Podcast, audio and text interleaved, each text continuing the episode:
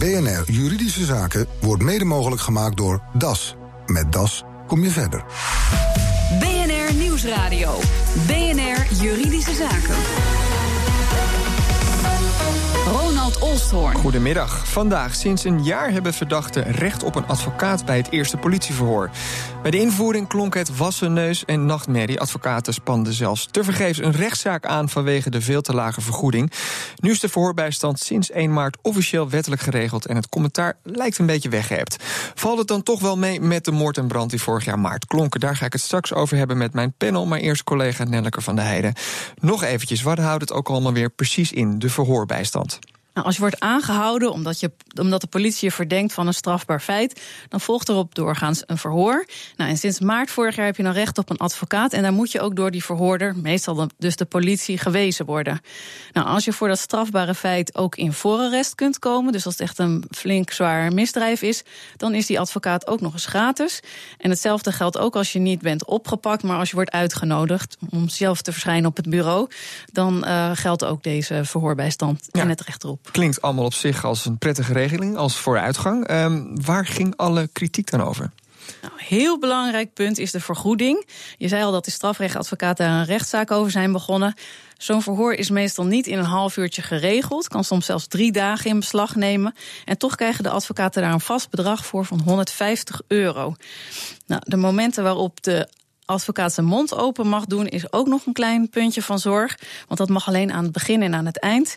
En dat is niet participeren, zeggen de advocaten. Nelleke, dankjewel. En daar ga ik het dus uh, over verder hebben hier in de studio met Janneke Steenbrink, strafrechtadvocaat bij Van het Hullenaar en Partners in Arnhem. En in Den Haag zit Dian Brouwer, ook strafrechtadvocaat bij Solid Advocaten en bijzonder hoogleraar verdediging in strafzaken in Maastricht. Van harte welkom.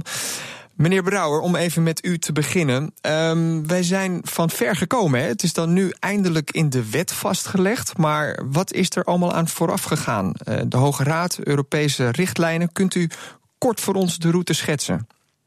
Ja, um, nou, één ding is duidelijk. Nederland heeft tegen heug en meug en met veel verzet uh, de voorbijstand eindelijk erkend. Omdat het moest van eerst het Europees Hof voor de Rechten van de Mens. En vervolgens moest het van de Europese Unie. En als dan Nederland had gelegen en Nederland het zelf had kunnen bepalen, dan was het nooit uh, ingevoerd. Maar de ontwikkelingen in Europa hebben Nederland gedwongen. En waarom wilde Nederland dat niet?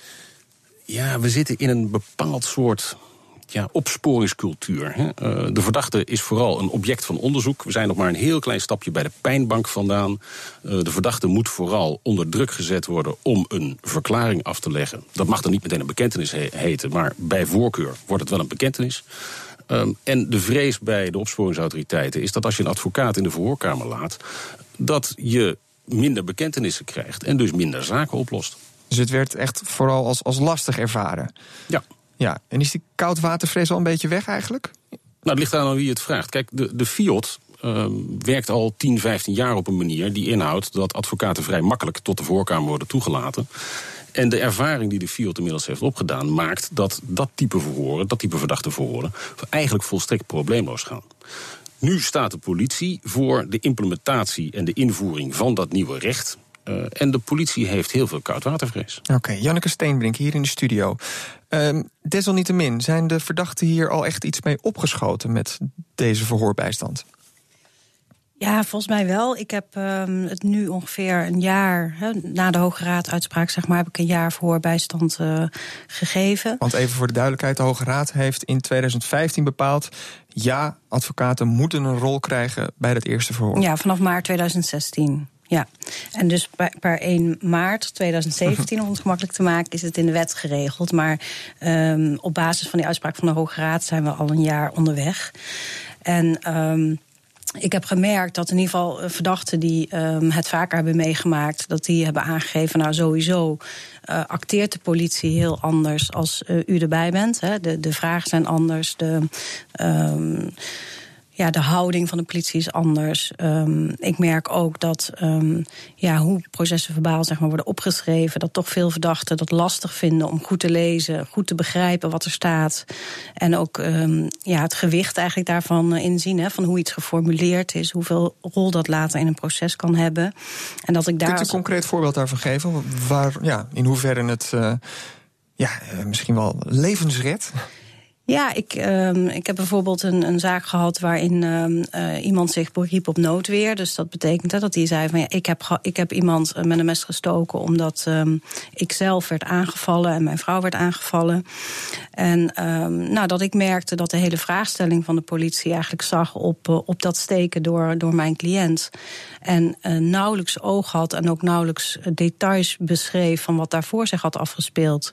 En zou dat zo zijn gebleven, en dat zie je wel in oudere zaken waarin geen verhoorbijstand is geweest, ja, dan zegt een rechter later van ja, maar goed, hè, u zegt nou wel dat u werd aangevallen, en, maar ik lees hier toch niks over in uw politieverklaring. En waarom heeft u dat toen niet verteld? En dan zegt een verdachte, ja, dat is me niet gevraagd, of door de stress ben ik er niet op gekomen, of ik heb het wel gezegd, maar het is niet opgeschreven.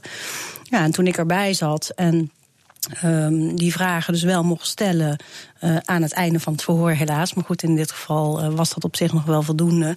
Uh, kon ik op al die details doorvragen en is dat keurig in het proces verbaal gekomen.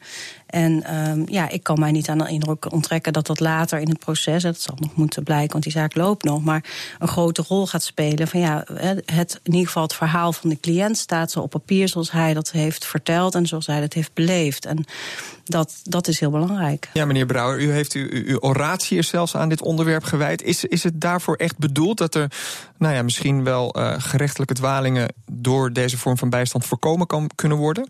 Ja, zonder meer. Als je teruggaat naar de Schiedammer Parkmoord, daar is de man die uiteindelijk ten onrechte veroordeeld bleek. Die is met name veroordeeld op een bekentenis die hij bij zijn, ik meen, zestiende verhoor heeft afgelegd. Terwijl zijn advocaat daar niet bij mocht zijn bij dat verhoor. Maar het klinkt dan allemaal eh, best wel gek dat we dat tot voor kort dan nog niet eens geregeld hadden, allemaal, toch? Of niet? we kennen natuurlijk allemaal het beeld van de advocaat in de Amerikaanse series die aanschuift en natuurlijk gelijk uh, het initiatief neemt. Maar dat was dus eigenlijk voorheen nooit zo in Nederland. Dat was nooit zo. En onder de huidige regeling is dat nog steeds niet zo. Want uh, die Amerikaanse advocaat die iedereen in tv-series ziet, die mag zich uh, die mag actief deelnemen aan het verhoor. Die mag dus als een vraag uh, sturend is of als een vraag uh, oneigenlijk is of als er, laat ik zeggen, gewoon slechte vragen worden gesteld, die mag daar bezwaar tegen maken en zeggen: wilt u uw vraag herformuleren? Want op deze manier gaat het niet. In Nederland, onder de huidige regeling, zou het nog steeds zo moeten zijn, volgens de wetgever, dat de advocaat zijn mond moet houden tijdens het verhoor. En alleen aan het begin en aan het eind van het verhoor nog even een duit in het zakje mag doen. Mevrouw Steenbrink, houdt u inderdaad uw mond? Um, nee, die houd ik niet. En dat wordt nog wel spannend, want het afgelopen jaar uh, ging dat bij. Uh, de politie werkt ook verschillend. De ene agent is de andere niet. Ging dat bij heel veel verhoren ging dat heel goed. Werd het gewoon toegestaan en um, kon ik inderdaad ingrijpen momenten dat ik dat uh, wilde. Ik vrees alleen dat nu met de invoering van, uh, van de wettelijke regeling en ook het besluit van hoe dat dan in die verhoorkamer moet gaan, uh, hoe dat moet gebeuren, dat men toch eens die regeling er weer bij pakt en misschien strakker gaat zijn dan voorheen. En uh, nu is het natuurlijk ook aan de advocaat om. Um, ja, de rechtsbijstand te verlenen die nodig is. En dat betekent, wat mij betreft, deelnemen aan het verhoor. En dus ook ingrijpen als er sturend wordt gevraagd. En hoe daar uiteindelijk op zal worden gereageerd, hè, of dat ik word weggestuurd, of um, dat, ja, dat zal moeten blijken. En uh, ik denk ook dat in de toekomst wel, eens, uh, wel een zaak zal komen die uiteindelijk voorgelegd moet gaan worden aan het Europees Hof. Van is nu de Nederlandse regeling is die in overeenstemming met het Europees recht? En uh, mag de advocaat eigenlijk zo worden ja. beperkt? Nou, in sterker, dat hebben jullie advocaten al geprobeerd natuurlijk. Jullie hebben een kort geding aangespannen. Onder ja, andere bij de om, Nederlandse kort geding. Ja, precies. Ja. Maar, maar ja. ja. Voorlopig hebben jullie daar nul op het rekest gekregen. Is dat misschien ook een beetje ja, jullie interpretatie van de Europese regels? Ja, ik begrijp dat jullie een nog actievere rol willen. Maar misschien voldoet dit wel gewoon aan de, aan de, aan de standaarden die in de verdragen zijn opgenomen. Nou, nou we hebben in ieder geval onze, de ja, Raad ja, ja. van State aan Kijk, onze zijde. Maar daar kan Dian misschien wat over zeggen. Dat, dat is één ding wat ik ook wilde zeggen. Ik bedoel, ook de Raad van State, die is toch, uh, die is toch als adviseur van de overheid uh, boven elke verdenking uh, verheven. Die zegt ook dat de interpretatie in het besluit, hè, zoals de Nederlandse wetgever dat in het besluit heeft gelegd, niet voldoet aan de eisen van de Europese richtlijn waar uitvoering aan gegeven wordt, nog aan de jurisprudentie van het Europees Hof. En het Europees Hof zegt vooral dat er effectieve rechtsbijstand moet zijn. Dat zie je steeds terug in al die uh, mensenrechtenuitspraken. Het recht op rechtsbijstand moet effectief zijn. Maar is dat niet mogelijk onder die huidige regels? We hoorden het net mevrouw Steenbrink al zeggen. Ja. Uh, wordt de soep iets minder heet gegeten dan dat die wordt opgediend? En dat misschien net zoals uw uh, ervaring is met de field... dat dat ook op deze manier wel lukt in samenwerking met de advocaten in deze strafzaken? Ik ben daar best positief over. Het is, je moet het allemaal maar afwachten. Maar als je ziet hoe um, de praktijk bij bijvoorbeeld de Field zich ontwikkeld heeft in een paar jaar tijd kende iedereen het klappen van de zweep en kon er op een heel professioneel manier, professionele manier met elkaar omgegaan worden. Uh, ook in Engeland, na een aantal extreme rechterlijke dwalingen is het recht op bijstand bij het politieverhoor ingevoerd. Daar duurde het ook een jaar of vijf en sindsdien werkt het tamelijk probleemloos. Dus ik heb er goede hoop op. En misschien dat er nog één of twee juridische, of juridische gevechten voor nodig zijn. Maar ik heb er toch goede hoop op dat uh, in de opleiding van politieagenten uh, de rol van de advocaat wordt meegenomen. Dat in de opleiding van de advocatuur de, de, de rol en de taakopvatting van de politie meer wordt meegenomen. En dat je op die manier tot een werkbare praktijk kan komen die um, niet wordt beheerst door de regeltjes. Maar dan zou die wet die er dus nu ligt alweer eigenlijk veranderd moeten worden? Of, of niet zozeer. Nee, ben je gek. Ja. Ik bedoel, dit, dit, dit is een, um, dit, soort, dit soort regelgeving die tot in detail zo'n verhoor voorschrijft, is vooral bedoeld als, ja, hoe moet je het zeggen, als steunzel als uh, uh, handgreep in een invalide toilet. de, de, politie moet handgrepen en handvaten hebben om zich veilig te voelen in die nieuwe omgeving. Maar ten gronde is die regel er um, voor de advocaat om gepast te negeren. Ja, kritiek op de inhoud is dus één ding, maar de vergoeding is voor advocaten misschien nog wel een grotere doorn in het, oog, in het oog. Is het nog vol te houden? Dat straks na de reclame. Nieuwsradio. BNR Juridische Zaken. De verhoorbijstand is sinds deze maand wettelijk geregeld. Een jaar geleden ging het recht erop al officieel in. Sindsdien ervaren mijn gasten de lust en de lasten. Janneke Steenbrink, strafrechtadvocaat, en Dian Brouwer, bijzonder hoogleraar verdediging in strafzaken. We hadden het er voor de break al even over. En ook over die vergoeding, want die is dus niet al te hoog. Hoe ernstig is het, eh, mevrouw Steenbrink? Het is vrij dramatisch, ja. ja. ja. Vertelt u eens, voor hoeveel moet u uh, komen opdraven? Um, ja, voor een verhoor. In, um, u zei volgens mij nu inleiding ook hè, voor uh, zaken waarvoor voorlopig mogelijk is. En toch wel de zwaardere zaken. Maar um, voor, voor zaken ook bijvoorbeeld als winkeldiefstal. Um, daar um, krijg je een vergoeding voor voor alle verhoren, ongeacht hoe, hoe lang ze duren, van 150 euro. Uh, zaken waarop een, een zware gevangenisstraf staat, um, en dan moet u denken aan overval of moord of verkrachting, daar uh, is dat het dubbele. Um, maar goed, daar kunnen de voorren natuurlijk ook weer langer duren. Dus 150 tot 300 euro? Ja, dat, dat zijn is, de smaken. Uh, dat is de smaak, zijn de smaken. En dat kan zijn een verhoor wat een half uur duurt. Uh, maar de verhoren kunnen dus ook dagen duren. Ja, uh, maar het moet allemaal ook een beetje betaalbaar zijn natuurlijk. Mooi zo'n nieuwe regel. En mooi dat de verdachte daar iets mee opschiet. Maar uiteindelijk betekent dat natuurlijk ontzettend veel werk. Ja. En ook ontzettend veel kosten ja. Nou, er is nu een onderzoek gaande van het WODC om te kijken of. Ministerie uh, van Justitie? Ja, ministerie van Justitie. Uh, om te kijken of inderdaad uh, onze klacht van de advocatuur. Um, of, dat, uh, of dat grond heeft. Dat het zo uit het lood is. Dus dat, um, ja, dat dit eigenlijk niet vol te houden is. Ook als, voor de advocatuur. en ik heb hoop op dat de, de, politie de registraties nu goed op orde heeft. En dat echt duidelijk wordt van nou ja, zoveel verhoorbijstand is er geleverd. En dit is de vergoeding die is uitgekeerd. En ja, daar kan de advocatuur in ieder geval niet voor doen. Nee, meneer Brouwer, kan het uit of kan het niet uit? Denk het niet. Nee, en, en wat, je, wat je dus ook ziet en hoort binnen de advocatuur is hetzelfde effect als. Uh, als dat je bijvoorbeeld tegen de bakkers zou zeggen in Nederland: bakker, uw brood mag niet meer dan 75 cent kosten. En dan zijn er bakkers die zeggen: ja, weet je, tegen die prijs produceer ik niet meer. Ik verkoop helemaal geen brood meer. Er zijn bakkers die zeggen van, nou ja, vooruit, ik produceer brood onder de kostprijs... en ik maak het misschien met, uh, met gevulde koeken wel goed. en er zijn bakkers die zeggen van, nou ja, uh, als het voor die prijs moet... ja, dan, dan moet ik inferieure ingrediënten gebruiken... om toch die kostprijs omlaag te brengen. en dat, dat u, soort... u doet alleen nog maar gevulde koeken, heb ik begrepen. Nou, ik, nee, u, doet dit niet meer, toch? Deze, dit nee, soort... Ik, ik doe nog wel toevoegingszaken gefinancierde rechtsbijstand. Uh, maar ik, uh, ik doe geen piketten meer. Mijn kantoor doet geen piketten meer. Dat, is, dat, dat kan gewoon helemaal niet uit. Ja, en mevrouw Steenbrink, u doet het wel. Ja, wij doen het wel. Ja. En wij hebben op het kantoor daar ook wel discussie over. En ook discussie over gehad van uh, kan het uit. En, en, alleen wij vinden wel um, dat um, wij willen graag meedoen aan die piketregeling. We vinden het ook belangrijk voor verdachten. En um, uiteindelijk ja, met elkaar proberen we in ieder geval de aankomende tijd uh, dit te regelen en, uh, en dit door te komen. En daarna te bezien van is het echt uh, zeg maar economisch hè, on, onverantwoord. maar tot die tijd, um, we hebben het geluk dat we als kantoor heel dicht bij het politiebureau zitten, bijvoorbeeld in Arnhem. Dus aan reistijd en dat dat allemaal nog wel beperkt is. Dat, dat de rechtbank daar weer op vijf minuten afstand van zit. Dat maakt het voor ons logistiek. Maar wat vindt u ervan dat, dat sommige collega's. Ja, dat snap ik niet, heel goed. Ja. ja. Maar ja. dan is het natuurlijk ook niet echt één lijn te trekken als, als beroepsgroep. Nee, maar dat hangt denk ik ook af van de omstandigheden van waar je als kantoor in, in verkeert. En ook van welke keuzes je maakt aan cliëntelen. En he, met wat voor mensen je te doen hebt. Um, dat elk, ja, elke advocaat daarin zijn eigen afweging moet maken. Meneer Brouwer, um, ja, als, als u heeft er natuurlijk nog eventjes op doorgestudeerd ook.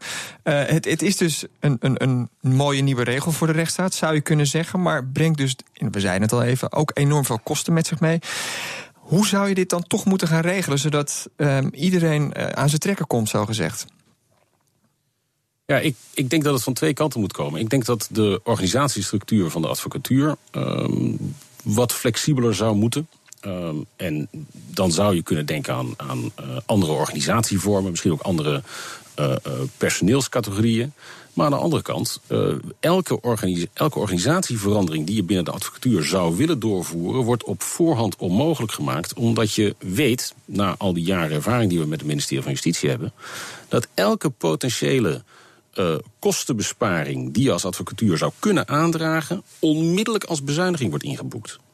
Dus er is uh, zo'n enorme druk op de budgetten dat het uh, onmogelijk is om om de tafel te gaan zitten en te zeggen van hoe kunnen we dit als beroepsgroep en als departement beter vormgeven? Want alles wat je aandraagt wordt meteen in de winkelwagen geladen. Maar dus er is geen ja, vertrouwensbasis voor. Ik begrijp het, maar dat eerste punt dat u aansnijdt is misschien interessant. Eigenlijk zegt u ook van nou ja, je moet als advocaat niet bij ieder wisselwasje meteen naar het bureau rennen voor, om bij zo'n verhoor te zijn misschien. Nee, dat zeg ik niet. Oh, um, wat zegt u dan? Ik, je zou kunnen denken aan uh, het beter poelen van kleinere advocatenkantoren tot grotere uh, uh, verbanden. En je zou in bepaalde omstandigheden kunnen gaan onderzoeken of het misschien mogelijk is om met anderen dan advocaten dit soort verhoorbijstand te gaan doen. Maar met name dat laatste is buitengewoon omstreden. De zogeheten paralegals, hè, toch? Ja. Bedoel, ja, niet zijn de advocaten, maar wel juristen die dat voor een wat lagere vergoeding ook misschien goed zouden kunnen doen. Is dat wat, nee. mevrouw Steenwink? Ja. Um, dan zou het in ieder geval heel goed onderzocht moeten worden, inderdaad. Van uh, wat, wat, uh, wat, houdt het, wat houdt het precies in en wat verwachten we dan uh, van die paralegals? hoe is het toezicht op die paralegals? En ja, ik vind nog steeds wel, want ik heb ook wel eens in die gedachten um, gezeten, ook met, met Jan Brouwer in de commissie Vladimirov. Um, maar ik merk wel dat ook bij het, bij het leveren van verhoorbijstand het zo belangrijk is dat je praktijkervaring hebt en dat je weet hoe zo'n zaak uiteindelijk op zitting wordt beoordeeld en hoe rechters ernaar kijken. En, en dat moet die paralegal dan eigenlijk ook wel krijgen. En hoe krijgt hij dat dan? Ja. En dat, dat vind ik wel een, een een spanningsveld. Ja, wat ik kleven nog wat haken ja, en ogen zo kan overzien. Ja. Maar als, als we dus uiteindelijk aan het einde van dit gesprek moeten concluderen dat uh, de rol van de advocaat nog wel iets uh, uitgebreider mag zijn en dat ook de vergoeding die er tegenover moet staan te laag is, wordt het dan weer niet iets tijd dat de advocaten met toga en al de straat op gaan om uh, dit af te dwingen, demonstreren, net zoals de rechters eerder hebben gedaan om te protesteren tegen de bezuiniging op de rechtsstaat? Goed idee, alleen ik, ik wil wel eigenlijk dan ook die cijfers van het WODC in de hand. Oké, okay, eerst ja. nog even het onderzoek afwachten. Ja. Is dat wat voor u misschien, meneer Brouwer? Nou, ik, Actie? ik denk. Nee, niet, ik, ben niet, ik, ben niet, ik ben niet zo van de barricades. Maar uh, tegelijkertijd uh, wordt er wel van de advocatuur ook een grote inspanning verwacht bij uh, de modernisering van het wetboek van strafvordering. Dat is een operatie die nu loopt. Uh, het is de bedoeling dat over een, een, een, aantal jaren een geheel gemoderniseerd wetboek van strafvordering uh, tot stand komt. Um, ik denk dat als de uh, tegelijkertijd aan de andere kant door allerlei recente wetswijzigingen ook nog eens een keer de rechtsbijstand uh, steeds verder wordt uitgekleed, dat je je kan afvragen of je als advocatuur inmiddels niet te loyaal meewerkt ehm, aan dat soort processen. Uh, het geen Beetje leverage, wetboek. eigenlijk hoor Ja, ik hier. Geen nieuw wetboek zonder eh, eh, herziening van de rechtsbijstand. Niet meewerken. Nee. Nou, ik, ik, dat is wel meteen wel heel hard gezegd. Maar ik denk, ik denk wel dat, je, dat, dat, er, dat het tijd wordt om een sterkere koppeling tussen beide processen aan te leggen. Oké. Nou, er wordt op dit moment geformeerd natuurlijk. Dus ik, u heeft nog wel een boodschap, denk ik, die u wilt meegeven aan eh, op dit moment eh, mevrouw Schippers. Dat vraagt u mij? Ja, dat vraag ik aan u. Nou ja, het, het, het, het lastige is. ehm, het, is met het onderhoud van de rechtsstaat. eh, wordt het al allemaal al snel als kosten gezien. Maar het voorkomen van eh, onschuldigen die veroordeeld worden. en het, het eh, verbeteren van de kwaliteit van de uitspraak. en het vertrouwen wat je in het rechtelijke oordeel kan leggen. dat is geen kostenpost, maar dat is noodzakelijk onderhoud voor de rechtsstaat. Oké, nou wij hopen dat de formateurs hebben meegeluisterd. Ik wil jullie in ieder geval danken voor jullie bijdrage. Strafrechtadvocaten Janneke Steenbrink en Dian Brouwer. En dan gaan wij door met de juridische vraag. Eh, geen vuiltje aan de lucht vorige zomer. En toch schrok luisteraar Larari 's ochtends vroeg van een harde knal voor zijn deur wakker. Het verslag is van Nelleke van der Heijden. Larari, uw auto is vorig jaar onfortuinlijk onder een boom terechtgekomen in de zomer. Hoe kon dat? Ja, die boom is helemaal eh, van binnen. Het blijkt dat het eh, gewoon eh, van binnen helemaal verrot was. En die auto is helemaal tot los. Want die boom is op de auto gevallen. Ja, op de auto gevallen, ja. Was dat dan op een stormachtige dag? Het was een hele mooie eh, weer. En eh, het was om een uur of vijf s morgens. Ik hoorde een hele grote knal. En eh, ik ging gewoon kijken en mijn auto stond gewoon onder die boom. En daar is dus niks meer van over. Nee, helemaal niks. En is dat de openbare weg? Dat is een openbare weg. Dus die boom, zou je kunnen zeggen, is van de gemeente. Ja, dat is ook van de gemeente. Heeft u bij de gemeente aangeklopt van nou, mijn auto is totaal los, wat gaan we doen? Ja, heb ik gedaan. En volgens de gemeente, ze hebben een jaar daarvoor, dus in 2015, hebben ze alles met een expert van, van bomen helemaal eh, nagekeken. En het blijkt dat het, tenminste, ze zeggen dat het, het rapport was gewoon goed. De bomen waren gewoon gezond en eh, goed. Maar nu blijkt hij helemaal verrot te zijn van binnen. Ja, ik weet niet hoe hebben ze die, expert, eh, die expertise gedaan. Gewoon misschien van, van, van beneden. Maar die boom die was eh, van boven helemaal verrot. Dus dan zou je toch zeggen, dat onderzoek is niet goed geweest. De gemeente moet hierop aangesproken worden. Ja, dat heb ik ook gedaan. Maar die gemeente, En, eh, die wil niet. Nee, en ze willen niks weten. Dat is niet onze verantwoordelijkheid. Nee, nu moet u toch zelf maar eh, gewoon een nieuwe auto kopen? Ja, dan moet ik gewoon een andere auto gaan eh, aanschaffen. En eh, ja, het kost heel veel geld. Dus wat nu? Nou ja, eh, nu wil ik gewoon graag weten of, of ik een rechtszaak kan beginnen. Vero Meewa van Beer Advocaten. Kan Larari nou nog iets tegen de gemeente beginnen vanwege die boom die op zijn auto is geland? Ja, ik denk het wel. Uitgangspunt is wel dat een gemeente niet aansprakelijk is te stellen voor het omwaaien van bomen bij slecht weer, bij storm. En ook het losraken van grote takken. Dat veroorzaakt altijd wel schade. Maar in dit geval was er geen storm. Ik heb begrepen dat het mooi weer was en dat de boom is omgevallen vanwege een rotting. De boom was verrot. En ik begreep ook dat er, voordat dit plaatsvond, er een onderzoek is geweest vanuit de gemeente waaruit zou blijken dat de bomen in goede staat waren en dat er geen valgevaar was. Nou, met dit soort specifieke omstandigheden zou dat onderzoek, waaruit zou blijken dat er niks aan de hand was, onderzocht moeten worden. En als blijkt dat dat ondeskundig onderzoek is geweest en de boom dus daardoor ook heeft kunnen omvallen, of dat er geen maatregelen zijn genomen daartegen, dan zou meneer wel een zaak kunnen hebben tegen de gemeente. En hoe moet u dat dan aanpakken? Nou, er wordt een beroep gedaan door de gemeente op dit rapport. Dus dan moet de gemeente ook wel bereid zijn dit onderzoeksrapport te verstrekken aan hem. Hij kan dat lezen. Als daaruit al heel snel blijkt dat het geen deskundig onderzoek is geweest... of dat ze een aantal bomen hebben overgeslagen, waaronder de bewuste boom... Ja, dan kan hij toch de stelling innemen dat het onderzoek niet compleet is geweest. Is het een deskundig onderzoek, dus een technisch onderzoek... dan kan hij dat laten beoordelen door een jurist... die vervolgens kan beoordelen of dat rapport voldoende informatie verstrekt... om de stelling in te nemen dat het onderzoek niet goed is geweest. En dan alsnog de rekening sturen? Ja, dat zou ik zeker doen. Als de gemeente niet in staat is om aan te tonen dat dat onderzoek deskundig is geweest... en geen enkele indicatie aanwezig was om geen maatregelen te nemen... ja, dan heeft hij een zaak. En als ze dan nog steeds niet willen betalen? Ja, dan zou ik echt eh, mijn tanden erin eh, vastzetten en een advocaat inschakelen en daarover gaan procederen. Want dan is het gewoon een kwestie van ontkennen dat je iets verkeerd gedaan hebt. Ja, advocaat Veru Mewa ziet wel degelijk mogelijkheden. Het verslag was van Nelleke van der Heijden. En heeft u zelf een juridische vraag, u kunt hem naar ons mailen. Het adres is juridischezaken.bnr.nl. Deze show is nog eens terug te luisteren via bnr.nl slash juridische zaken. Mijn naam is Ronald Olsthoorn. Tot de volgende zitting. BNR Juridische Zaken wordt mede mogelijk gemaakt door DAS. Met DAS kom je verder.